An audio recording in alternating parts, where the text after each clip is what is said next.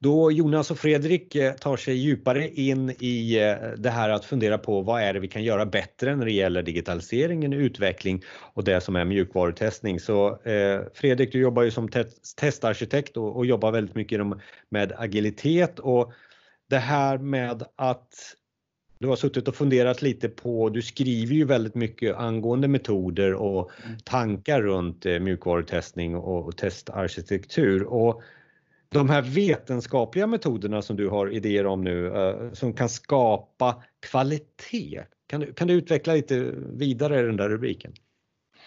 Ja, eh, test inom mjukvaruutveckling har ju länge Eh, man har länge haft ett förhållande till test som att det är någonting som vi gör lite vid sidan om. Eh, det är bra för kunderna, tycker att det känns tryggt att, att ha det. Man vet inte riktigt vad man får ut av det, men det, det känns bra och tryggt och, och, att någon kollar upp så att det blir rätt gjort. Och att så.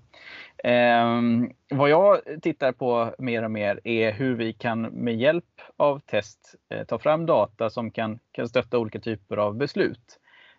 Um, och då tittar jag också på hur vi har eh, arbetat de senaste decennierna egentligen med test och, och vi har pratat om riskbaserad testning och, och, och sen samtidigt så på andra sidan så, så har jag ju en, en akademisk eh, bakgrund där vi tittar på vetenskapliga modeller. Och de här två bitarna ser jag nu framöver att vi kan smälta ihop eh, så att vi kan prata om Eh, produktkvalitet, eh, mjukvarukvalitet fast på ett mer vetenskapligt moget sätt.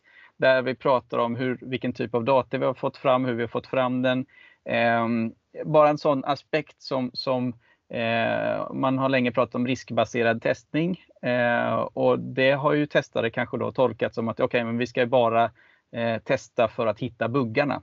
Eh, och det gör ju att vi, vi är ner och grottar i mjukvaran där vi ser riskerna. Där vi ser potentiellt att vi skulle kunna hitta flera buggar. Men det gör ju sen att när vi backar och tillbaka och säger att håller produkten en, en högre kvalitet, då har vi ju missat att testa på de ställena som vi kände oss mer säkra på utefter vår mentala modell som kan också vara fel. Eh, så det gör ju att vi får en snedvriden statistisk modell där vi försöker ta beslut över någonting som där vi bara har eh, testat produkten eh, på dess svagheter så att säga. Men vi mm. utvidgar ett skop här känns det som också. Kommer det ta längre tid? Vem ska bli inblandad mer i det här? Alltså sådana frågor uppstår i min hjärna när du, när du börjar förklara.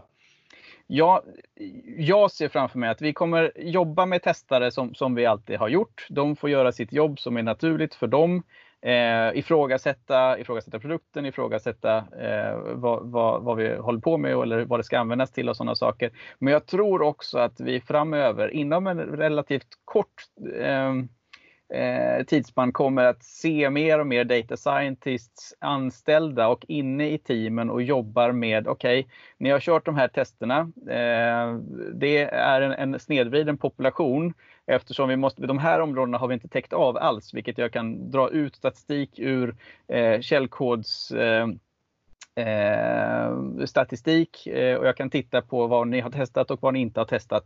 Eh, för att få en hel bild över hela produkten så behöver vi testa de här områdena också som vi inte har eh, lyckats eh, komma åt än.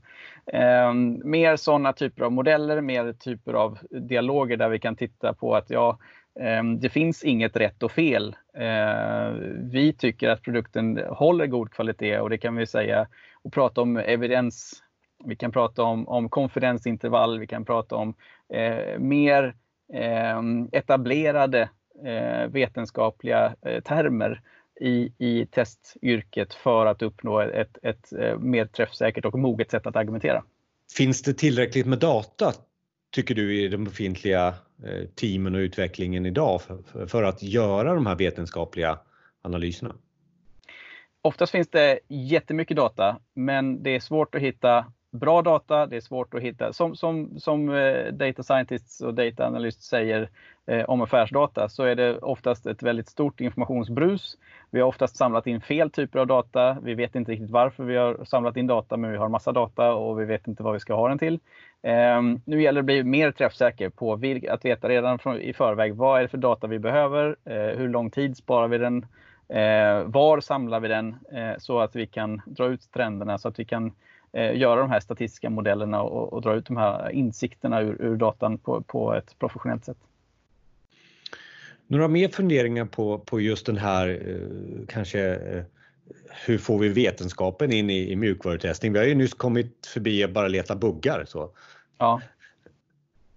Eh, nej, det kommer också ta tid eh, att, sätta upp, sätt, eh, att tänka ut efter ett, ett nytt sätt. Att, eh, det är flera nya tankemönster, tankemodeller som måste in i hjärnan och man kanske behöver också se sig själv i, i en annan kontext. Ehm, eh, att lära sig en ny terminologi, att koppla ihop att ja just det, det är faktiskt eh, statistiska modeller som det här kommer ur.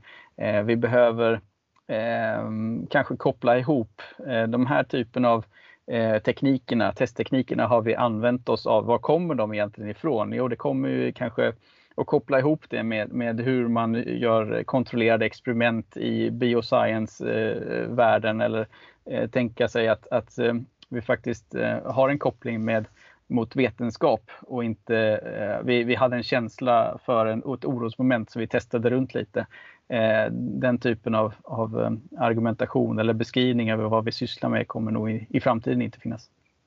Jag tror att med, med det här så har vi väckt, eh, eller du har väckt en idé en, en, ett sätt att se på innovation, se till, kanske se framför sig att använda mjukvarutest eh, som någonting som, som även genererar nya saker inom organisationer och, och de produkterna som, är tankar, som man har tankar om.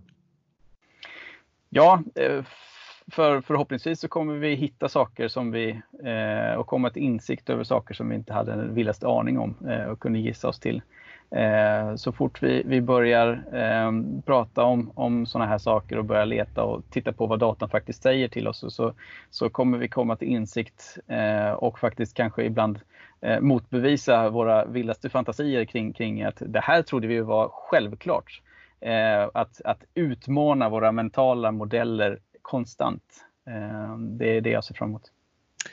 Tack så mycket Fredrik för den här veckan. Tack!